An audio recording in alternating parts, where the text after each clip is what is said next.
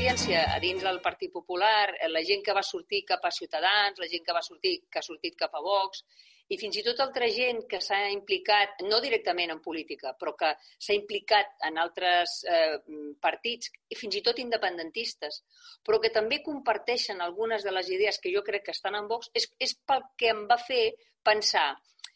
A Vox hi ha més ànimes de les que es volen fer veure, no? o de les que millor interessadament es volen condemnar, perquè hi ha moltes de les coses que diuen que no les comparteixes, perquè hi ha coses que millor estan fora de lloc, són prehistòriques, però després hi ha raons per les quals un s'apunta a un partit com aquest. I de la mateixa manera que hi ha gent ara que està dient no, és que hi ha violència al carrer perquè, mm, perquè la gent està farta.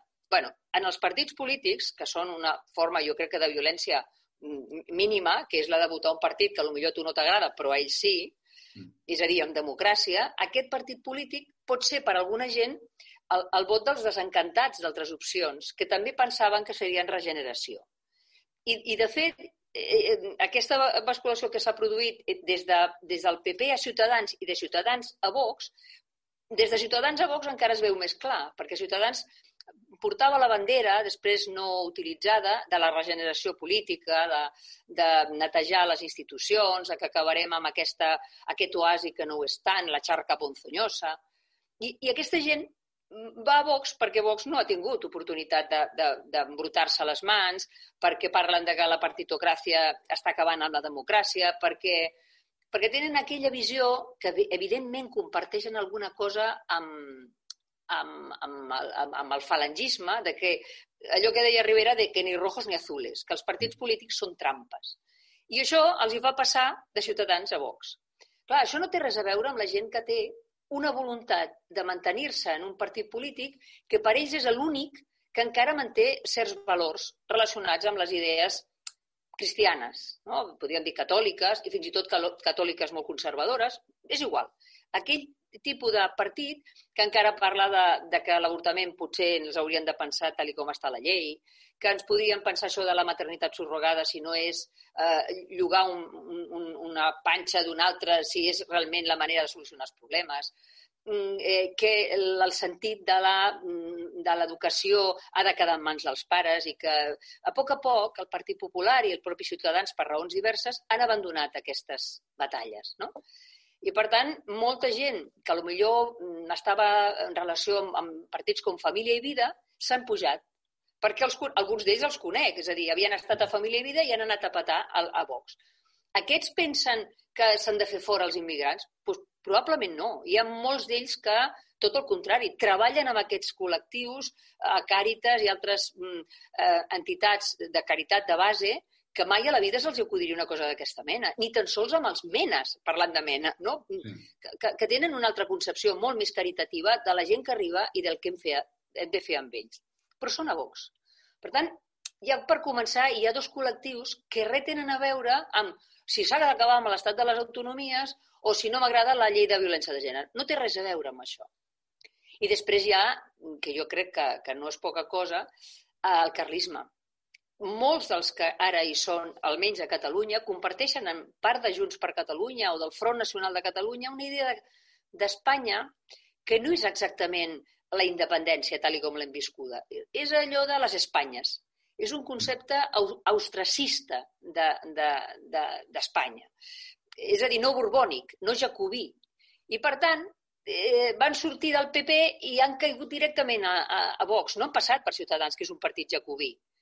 Mm. No, han passat directament del PP a Vox perquè creuen que eh, l'estat de les autonomies en realitat és una trampa jacobina, no? podríem dir. I això és el que dic que és més complexa del que es vol fer. Clar, si això li dius, explicar aquesta cosa, li dius blanquejar un partit polític, s'ha acabat el discurs, s'ha acabat el diàleg i s'ha acabat la reflexió.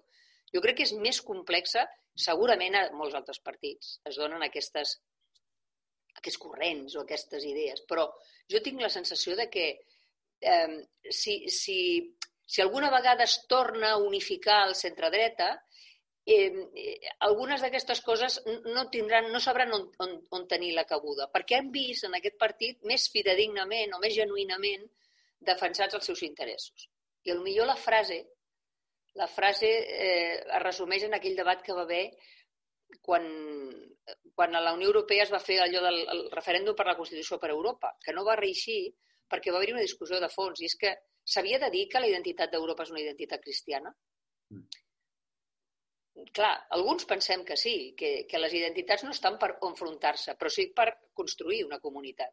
Mm. Hi haurà altra gent que diu millor de fugir d'aquest tema perquè hi ha molta gent que ve de fora i es pot sentir ofesa. Bé, són dues maneres de veure Jo no dic que una sigui més adient que l'altra. Jo crec que les identitats tenen sentit si, si, si són a fi de bé, però en el rerefons de tot plegat hi ha aquesta idea. I quan es parla de que criminalitzen el de fora i de més, més que criminalitzar el de fora, el que volen dir és quan defensarem que som i què hem estat i què ha fet, en realitat, la justícia social cristiana a la socialdemocràcia europea i què ha fet la nostra idea de comunitat i de solidaritat amb una Unió Europea que és millor que qualsevol altre lloc del món, no?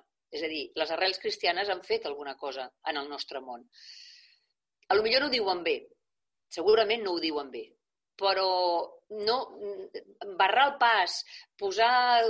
Jo no, això dels cordons sanitaris no l'he entès mai del lloc, no? Però això de dir con este no, con estos no hablamos, escolti, eh, són persones igual que nosaltres, um, amb els mateixos interessos per tenir una política que valgui la pena, segurament que qualsevol altre partit, i amb moltes mo molts corrents a dintre eh, que jo crec que, que com a mínim s'ha de reflexionar. Aquesta era la idea. ¿no? Clar, ja m'he passat. Jo he hablado yo sola todo el rato. No, no, és que ja em sembla bé, ja, vull dir que és una mica la idea. No, a mi m'interessa això, això de les diferents corrents, per això, per això et vaig demanar l'article, perquè vaig dir, ostres, és que és una cosa que no es diu gaire, i ara pensava, per què no es diu gaire, no? I una, una de les... O sigui, aquí hi ha, dos, hi ha dos coses, és a dir, el naixement de Vox com a d'alguna manera escissió del PP, tot i que no és netament una escissió, però sí que és, se suposa que ve molta gent sí, del PP que sí. parta d'un gir al centre, d'una mena de tecnocràcia del, del marianisme, per dir-ho així. No? no sé si és just descriure-ho així, però, sí. però sembla que el, que el tòpic, sí. com a mínim, el tòpic acompanya. Clar, eh, és normal que la crítica sigui, bueno, aquests són l'extrem i per tant nosaltres no. És a dir, la primera crítica, per dir-ho així, és política, per dir, sí. hem de marcar distàncies amb aquesta gent perquè volem reduir-los a la, no? a la, Clar. La minoria sí. radical amb la que no volem tenir res a veure i ja està. I que ens centra, i que ens centra. És a dir, quan tu tens a un que està, diguem, al, al racó, Eh, d'alguna manera, abans eh, el, el Partit Popular no podia enviar els seus sobres. Almenys a, Barça, a Catalunya no, no posava el PP en els sobres electorals. Ara ja pot. I Ciutadans també. Per què? Perquè el que no pot i els ha enviat sense logo ha estat Vox. És a dir, tu et centres, no perquè diguis res de diferent, simplement perquè hi ha un altre que està a l'extrem. Ja. Clar, més aquí Vox ha jugat la carta de, una carta retòrica, per dir-ho així, no? però és la, la carta del populisme, d'un llenguatge Clar. directe, un llenguatge planer, Clar. un llenguatge que no té por Molt de simplista. Que no té por Clar. tampoc de semblar extremista. És una mica Clar. el que, que Podemos també eh, des de, des de l'altra banda. I després també hi ha, hi ha aquesta part, que és la part de Catalunya, que m'interessa per això que dius de les, de les Espanyes i del carlisme, perquè és una part que jo crec que és, eh, que és desconeguda. És a dir, que a mi, a mi em, em sembla estrany en el sentit que encara que, com dius, no, hi ha veus diferents dins de Vox, són veus que se senten poc, no? És a dir, sobretot a Catalunya, crec que des de la perspectiva catalana, i de fet alguna, algun comentari de, de Twitter que, sobre, sobre el teu article que, se'ns, que, que es feia, era de dir, bueno, és que és inevitable que Catalunya Vox es salvegi com l'enemic, en el sentit gairebé bèl·lic, perquè el, el llenguatge de Vox, sobretot el discurs més conegut de Vox, és precisament el que deies abans, no? És, ah. és en certa mesura és jacobí, o sigui, és la, la idea de dir que de les autonomies, la contra el nacionalisme, eh, fins i tot en qüestions de, de llengua, jo crec que han, han rebaixat bastant el to en aquest aspecte, però vull dir que era, era una cosa... No? La, la, la idea Clar. de que amb l'estat de les autonomies ja sabem que, que, que, es, que es veu en aquest sentit. No? I Clar. per tant m'interessa saber si això és, un, és una qüestió de dir eh, a mesura que el partit creix, per exemple, a Catalunya, eh, ja des de l'òptica catalana, no? però a mesura que el partit creix dins de Catalunya s'aniran sentint aquestes veus o que existeixin aquestes veus, que hi hagi, per exemple, molt vot, entenc, reactiu, de gent que està farta del procés, una mica com el que va passar amb Ciutadans fa uns anys, no? doncs ara ha passat a Vox, el que farà és que això marqui un topall al creixement de Vox, és a dir, eh, la idea és que a les següents eleccions, per exemple, pugui passar com ha passat amb aquestes amb Ciutadans i que la gent que ha votat per reacció, per dir vull un que planti cara, vull un que acabi amb aquesta retòrica, amb l'esquerra i el nacionalisme tota la vegada, no? Que després diguin, home, a mesura que Vox es vagi posicionant en altres coses, si tira cap al centralisme, doncs aquests partidaris carlins que dius, no?, eh, mm. deixin de votar-lo o que prenguin poder i veiem un Vox totalment diferent, no? Com ho veus? És que, és que aquest és el problema que s'ha produït en altres partits, que d'alguna manera eh, li ha passat factura al final per culpa del procés a la pròpia Convergència, és a dir, a Convergència i Unió primer, dins de Convergència, dins d'Unió. És a dir, quan, quan les posicions es radicalitzen molt sobre algun tema, depèn de quin sigui el tema que tu has d'escollir. És a dir, si ara mateix és una mena de catch-all de l'extrema dreta, però un catch-all important, perquè 11 diputats no és que sigui una tonteria, tenint en compte que els altres tenen un 6 i l'altre 3. És a dir, què més queda? bueno, sí, podem considerar que Junts per Catalunya és dreta, però tenint en compte el que diuen, sí, jo crec que el Canadell està ja sol i la resta estan més a prop de l'ESCUP que no pas de, o de l'Esquerra Republicana en quant als plantejaments i no cal dir que han fet ara amb, amb, el, amb posicionament respecte de la policia eh, dels Mossos d'Esquadra i de la manera en què han entomat els aldarulls, no? per, per culpa del rapero de alto nivell. Um, què vol dir això? Que, clar, si depèn del tema sobre el que es posicioni l'agenda i la seva eh, voluntat de convertir-se d'alguna manera en, en un partit més institucional. Clar, si tu et quedes a la barricada i fas un poti-poti mentre els altres es barallen i no tens oportunitat de tocar poder, perquè pel que es veu el deixaran una mica raconat i no, no, no entrarà a la mesa per suposat, intentaran no fer-li ni cas quan faci alguna proposta ni que tingui grup parlamentari, faran tot el que puguin per obviar-lo per raons diverses, per, per ser a la contra o per ser un enemic. Uh, clar, si tu et quedes allà raconat, pots continuar amb tot aquest poti-poti que no, no s'acaba de veure, una vegada dius això, després dius l'altre. És cert que en el partit n'hi ha molta gent de les perifèries.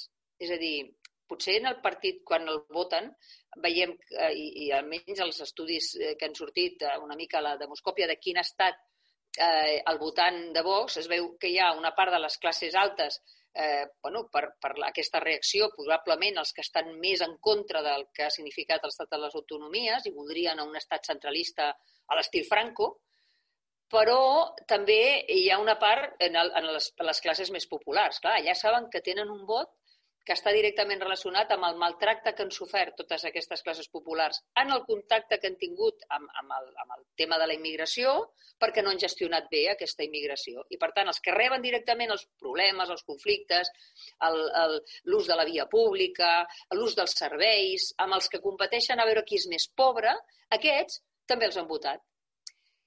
Clar, aleshores, el tercer tema, que seria el tema del, de la concepció d'Espanya, eh, probablement des del punt de vista de quines siguin les opcions estratègiques tindrà un paper eh, o tindrien la tentació de que sigui un paper menor, perquè aquests altres, home, l'agenda social té molta importància i eh, d'alguna manera ser el, el catalitzador del, de l'antiprocés o de l'antiindependentisme també té, és, és, és molt golós, és molt, molt, molt llaminer per un, per un partit polític.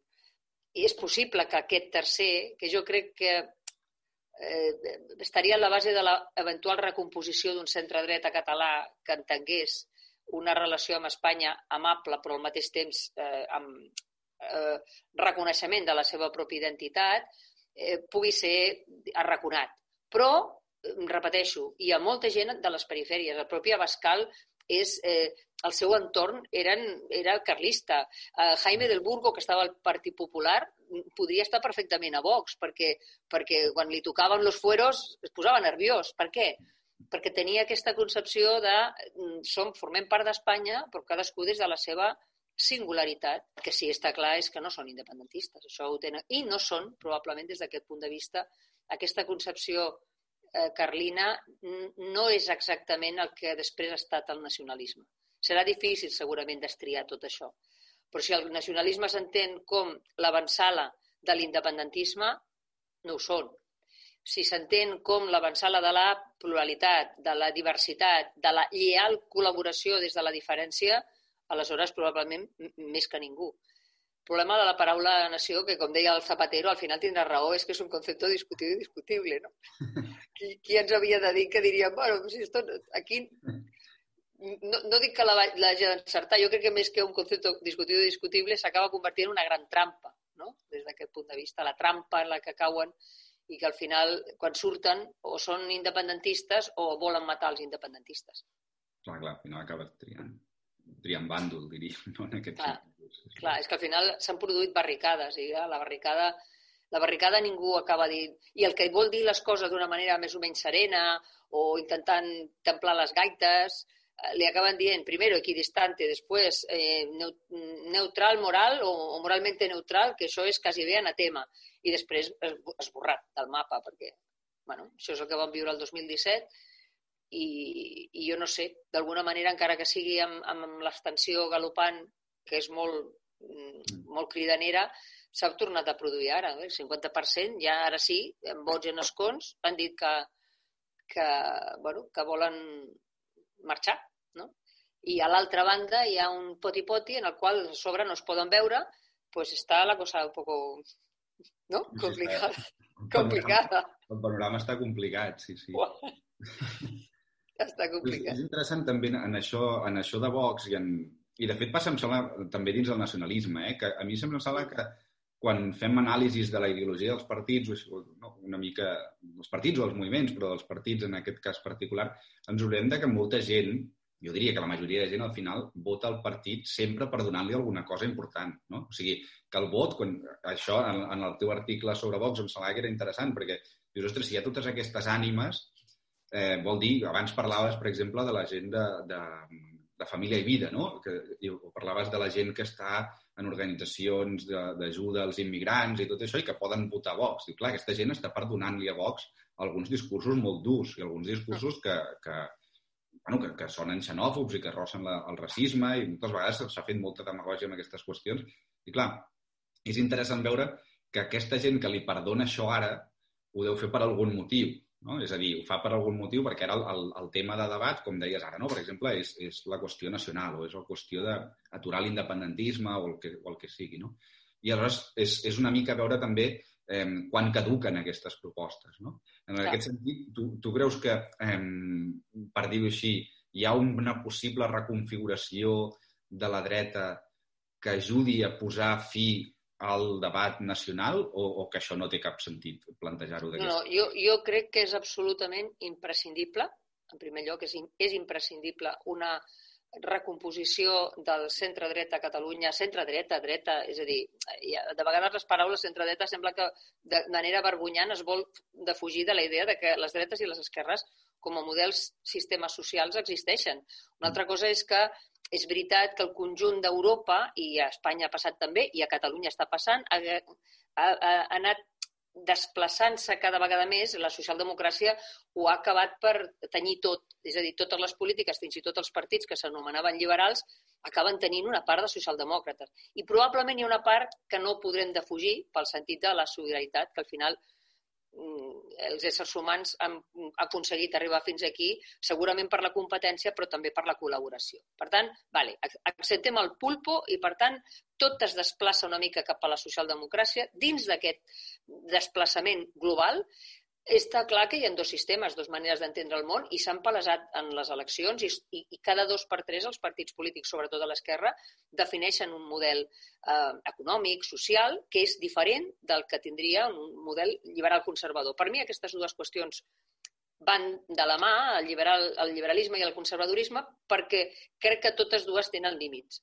El conservador diu que allò que funciona no cal tocar-ho i el liberal diu que la lliure competència, que la llibertat entesa en aquest sentit, i per tant deixar en mans de la iniciativa de la gent eh, la, la, el progrés de, de la comunitat és la, el millor motor i que l'altre, la intervenció, hauria de ser de mínims. Bueno, tenint en compte això, tenint en compte que hi ha esquerres i dretes, l'esquerra està no diguen que molt articulada, perquè ara estem veient que Sánchez i Pablo Iglesias, no sé si es barallen o fan veure que es barallen perquè els hi convé, però el cas és que a l'esquerra té molts clars certs, certs discursos. A la dreta, en canvi, la baralla estava servida. S'ha vist fins i tot en el moment de les eleccions. I no hi ha, eh, no sé si hi ha capacitat d'entesa, sembla que eh, entre el PP i Ciutadans comencen a pensar de la manera de tornar-se a integrar, bueno, aquells que van marxar d'allà, perquè ja sabem que a Ciutadans hi ha molta gent que no va marxar del Partit Popular, sinó que venia del Partit Socialista. Mm. Segurament la major part han tornat ja a casa, com deia ella, han tornat a casa. I els que queden són els que estaven més a prop del pensament de dreta. Què vol dir això? Doncs que queda per fer, tota aquesta feina queda per fer. Reconstruir aquest mapa és, en el fons, eh, clarificar els esquemes. I, I segurament això significarà que algunes de les propostes que es facin des de la dreta no convenceran a tothom. És a dir, de la mateixa manera en què a Vox hi ha gent que ha comprat coses que millor li grinyolen perquè la idea fonamental de Vox de lluitar contra l'independentisme i de mantenir certs principis morals ja li anava bé, i diu, bueno, doncs, ho diu de manera molt barruera i fins i tot que no està en contra dels meus valors, però entenc que al final el que vol és això, fer contrapès als altres.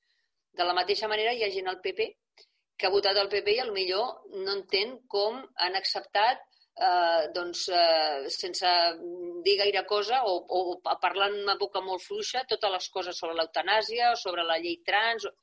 I diu, ostres, no és el nostre model. O que han fet també amb boca petita la defensa de fins i tot a l'escola diferenciada, no? que jo un dia mm. d'aquests també podíem parlar d'això. L'escola diferenciada és la que jo vaig viure en l'institut i me fue de conya. O sigui que no, no acabo d'entendre quin és el problema. Però, en fi, què vol dir això? que tothom haurà de cedir alguna cosa si es vol reconvertir i, per tant, clarificar de cara fins i tot al, al votant els espais. Altres mons, eh, el meu, per exemple, un dels meus preferits, que és el britànic, o l'estadounidenc, perquè són una mica, si fa no fa el mateix, no hi ha tants partits. Hi ha un d'aquest i, i, i l'altre, i més o menys tens clar que les, el model de vida d'aquest és diferent del de l'altre, i de vegades no. De vegades no, eh? perquè sabem que els conservadors i els, i els eh, socialdemòcrates, per exemple, a Gran Bretanya de vegades han creuat polítiques. Però tens un, un esquema de, de governabilitat una mica més senzill. No sé si això és possible. Espanya, amb el parlamentarisme i amb el sistema que tenim, segurament no és fàcil. Catalunya, amb aquests dos eixos, també ho fa més difícil. Però, home, reconvertir o reconstruir el centre-dreta o a la dreta és absolutament imprescindible si vol tornar a governar. D'aquesta manera no governarà mai no governarà mai. I, per tant, no podrà canviar les dinàmiques ni, ni repensar l'esquema de la redistribució de la riquesa, ni pensar en una, un esforç fiscal una mica més adient, ni, ni deixar de criminalitzar que la persona estalvi i deixi als seus fills alguna cosa perquè l'impost de successions arribarà un moment que farà inviable que ningú tingui una propietat. És que jo crec que si tot va així, arribarà un moment que tenir una propietat serà un crim i tenir-ne dos a la presó directament. O sigui, Hassel estarà en la calle i el propietari estarà en presó. Sí, sí. No? Pues algú ha de dir l'altra banda. Ni que sigui per compensar, ni que sigui. No, no solament perquè votin aquesta altra opció, sinó perquè hi hagi una compensació en la cultura política, perquè es vegi que són dos models diferents, que de vegades s'han d'alternar i que l'alternança, allò que Cánovas del Castillo tant van demonitzar, l'alternança de partits en el fons és la capacitat de la gent de veure que hi ha dos models de vida. Si no, al final tots pensarem que l'únic model de vida és el de Podemos. I això és mentida. N'hi ha altres. I, i, i, i amb models d'èxit en el món. O sigui que... Sí, sí.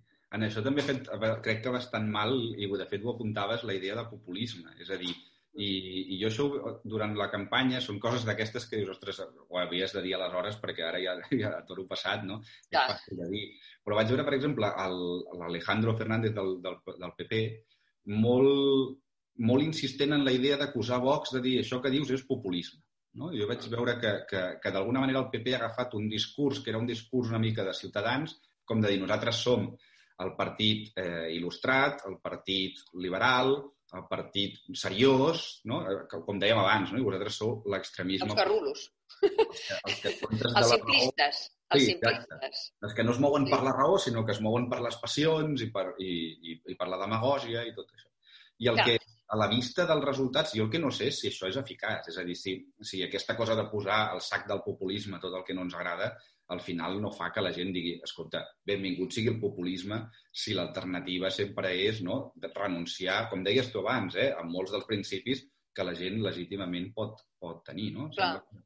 És, que, és que, clar, pu, pu, la paraula, jo, jo crec que el, el, el més eh, sobtant és que no hem començat a parlar de populismes fins que no han aparegut Trump, Bolsonaro, mm. eh, Salvini, és igual, o Abascal. No? De sobte parlem de populismes. Però abans d'això no parlàvem de populismes. I hi havia a l'altra banda gent que feia uns discursos o sigui, que les CUP portin i, i, i tinguin una representació que els donarà probablement la capacitat per decidir la governabilitat de Catalunya en els propers temps i estigui ni tan sols somiant de tenir la presidència del, del Parlament, et diu com estem. És a dir, un partit polític que, que les, els discursos que va fer Mira, enfrontant-se, per exemple, alguna vegada senties les coses assenyades que podia dir Alejandro Fernández i senties a, la, a les dones diverses que van sortir, algun, em sembla que el Carles Guia també, de les CUP, dient unes coses que semblen no del segle passat, ja són del segle anterior. Però vostè en, que, en quin món viu? De, de, de qui està parlant? Quins són els enemics dels que parla? Semblava quasi bé que parlaven de les teories de les conspiracions. És a dir, és un discurs molt infantil, de gent que no ha tocat mai, per suposat, no ha tocat mai una empresa, mai, no, no, ha to, no ha tocat mai una nòmina, no ha tingut mai cap experiència d'arriscar res, ni sap el que és tenir treballadors, per començar, no? i saber què significa en un país d'economia de, de mercat una empresa que, que posi a la gent a treballar, una petita, una gran, una mitjana, la que sigui. Bé, això per començar. Després, en un, en un món globalitzat en el que tu pots anar en contra, com si fossis l'aldea gala, i el món entero gira en una altra direcció, i pots dir que tots van en contra. Però, bueno, està clar que no, que va per l'altre lado, no? I a més, amb els experiments que s'han fet de les seves idees en llocs del món que han donat com a resultat la més pura misèria. Bé, doncs allò no és populisme. Allò no és populisme. Allò és fantàstic. Allò és l'utopia de Tomás Moro, de Campanella i la Ciutat del Sol que llegarà. A les altres no. Els altres és populisme. Quan els altres parlen d'esto se arregla, escolti, pues fora l'estat de les autonomies, aleshores és populisme. Quan tothom té clar que l'estat de les autonomies no es podria treure si no fos perquè un partit polític tingués dos terços de cada cambra i els tornessin a votar i tornessin a sortir dos terços de cada cambra que diguessin que acabem amb l'estat de les autonomies. Qualsevol persona que tingui dos dits de front sap que això és impossible. Mm. Impossible. I, per tant, eh, eh, és a dir, les, les bajanades d'una banda són populisme, les bajanades de l'altra, en, un, en un mundo comunista, com ens descuidem, no seran bajanades, perquè les acabaran per aplicar. Per quina raó? Perquè hem acabat per anatemitzar o per criminalitzar una banda i l'altra té una patente moral segons la qual les coses que diu, tan simplistes o més que les de l'altra banda, se les empassa la gent. I se les empassa perquè no hi ha l'altra banda, perquè tothom s'ha posat d'acord, fins i tot partits amb responsabilitat, com el Partit Socialista o el Partit Popular, en criminalitzar l'altra banda. Tu pots dir que no estàs d'acord amb aquelles idees i que no són les teves, però si tu criminalitzes l'altre, en l'altra banda hi ha un que s'arroga una legitimitat, tu li has donat la legitimitat a l'extrema esquerra quan solament criminalitza l'extrema dreta. No hi ha extrema dreta si no, si no és perquè hi ha extrema esquerra. De fet, es retroalimenten.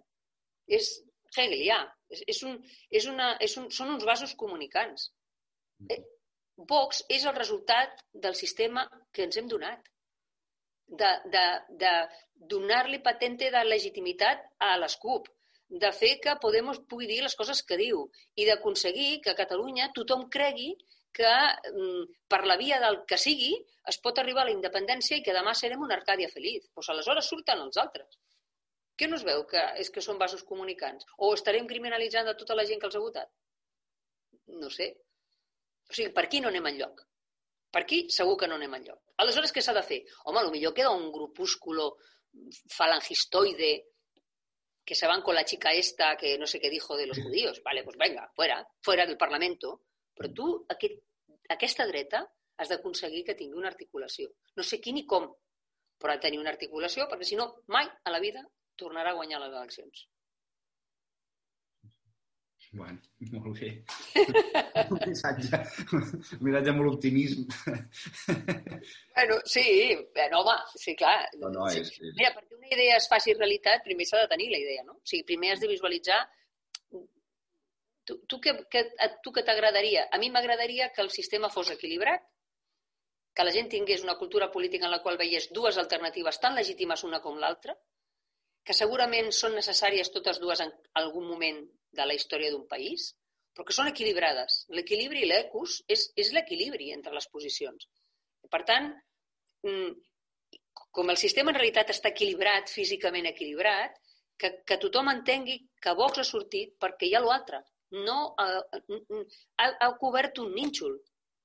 I el nínxol l'han creat els altres.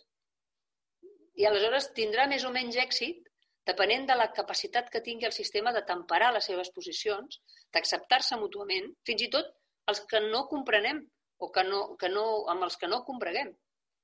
I, per tant, de, de, desra, no sé com dir-ho, no? de, de baixar la radicalitat de les posicions.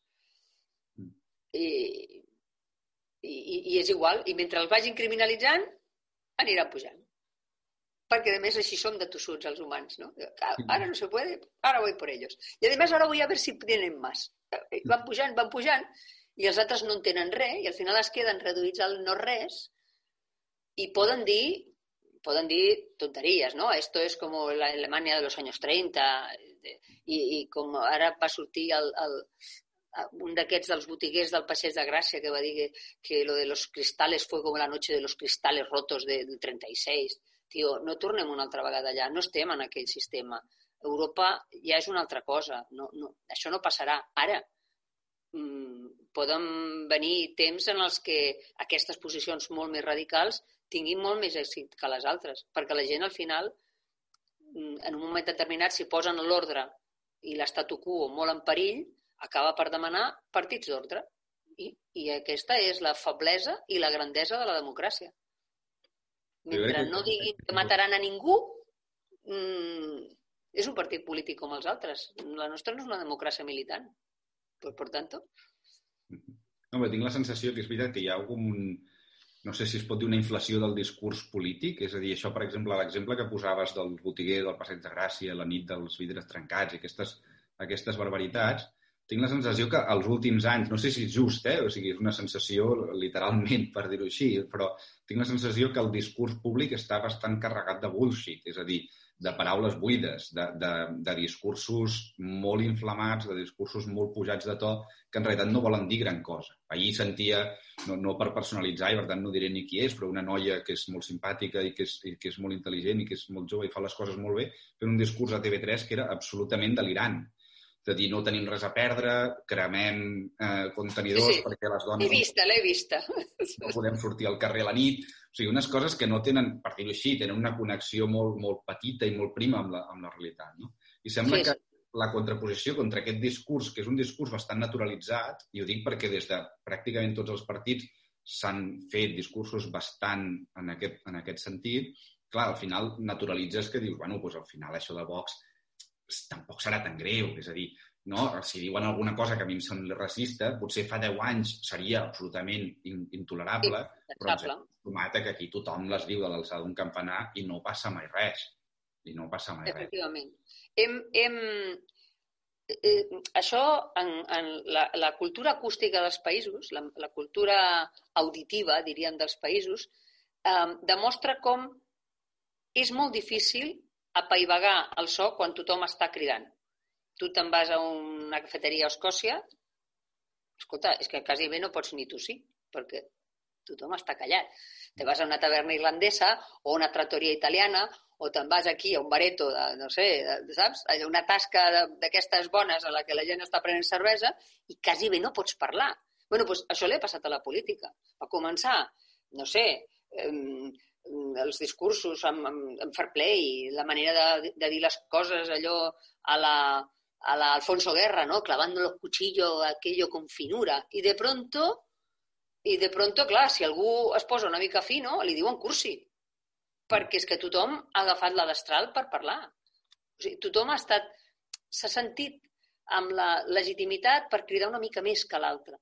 I és molt difícil ara baixar el, el, el sonotone, baixar una mica el to i, i reconvertir la circumstància, perquè a més el, jo tinc la sensació de que van de la mà, és a dir, tu vas cridant a mesura que el discurs es fa més buit i, i, i ho penso en, en primera persona, quan estic molt convençuda d'una cosa quasi bé no tinc ni que cridar. En canvi, quan estic intentant debatent, doncs el millor té l'altra raó, vaig pujant el meu to fins i tot quan discuteixo. Què vol dir això? Doncs que el soroll va ocupant l'espai de la reflexió I a mesura que creix el soroll, els altres que estan sentint tampoc poden reflexionar res perquè allà no hi ha res a reflexionar. O sigui, tot, tot són paraules buides de violencia es la violencia estructural de no tener trabajo. Y por tanto, pues entonces eso, ¿qué más da? ¿No es más importante una persona que un contenedor? Pues és un sofisma. Mm -hmm. Això, amb, amb, amb, amb retòrica aristotèlica, diria, però esto, esto és un sofisma. És a dir, he començat per una expressió, l'ha barrejada amb una altra i l'ha sortit una frase que ningú diria, home, clar que és més important una persona que un contenidor. És que no estem parlant d'això. I no hi ha espai per la reflexió, és impossible. Ni per la reflexió, ni, ni per la formació. O sigui, que, que, que l'advocada, la, aquesta noia d'en de, Hassel, digui les, les tonteries que ha arribat a dir en, en, en un minut, eh, eh, és que, és que si ho diu, si en comptes de Hassel ho diu de l'Armada Comín, la, la, fic, la treuen del col·legi d'advocats, perquè estava dient que ella, el Hassel no es pot relacionar amb un altre pres que no qui ha leer. Però, però tu què t'has creïdo? A banda de que, com que... Qui t'ha dit a tu que en un sistema penitenciari tu escolleixes si vas a una cel·la d'un o de dos? Però, però, però de què guindo se cayó? L'hem tret a nosaltres, els professors d'universitat de les facultats de dret, hem deixat que aquesta noia sigui advocada i parli com parla. És impossible que hi hagi... És impossible que ningú senti més que un remor de fons sorollosíssim, sense conceptes ni sense idees. Mira, l'altre dia vaig escriure... Eh, bueno, sortirà... A veure... No, l'article que vaig fer per, per dilluns al, al món i estava llegint una cosa de l'Emili Lledó, que és un dels divulgadors de, de Hegel, i deia, la llibertat d'expressió està molt, molt valorada, però la llibertat d'expressió d'expressar què?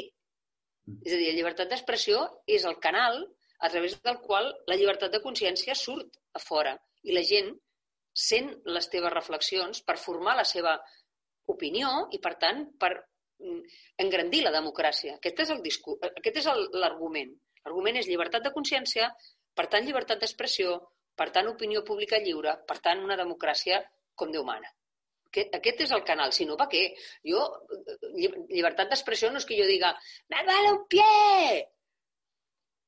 Esto no és llibertat d'expressió. Llibertat d'expressió és una articulació política d'una llibertat que solament té sentit si articula una idea. Quines idees hi ha ara al mercat? De veritat hi ha alguna? O alguna no, segur que n'hi ha moltes. Però l'advocada aquesta doncs no ha fet cap idea. Al contrari, ha demostrat que nosaltres, com a professors de dret, hem fracassat.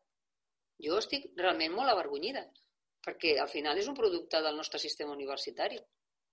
No sé què hem fet, però aquesta xica no podia... No és que no podia passar de primer. No. I ha llegado a ser abogada. O sea, a sobre ha, ha fet l'examen d'estat i ha sortit al carrer amb el títol sota el braç. -huh. I, I ha tingut la possibilitat de defensar Hassel, que no és un mindundi. Però què ha passat aquí? Sí, sí, sembla un fallo. Sembla un fallo què ha passat aquí? No sé. Doncs pues això, soroll. Soroll, soroll, soroll, soroll. Ja està.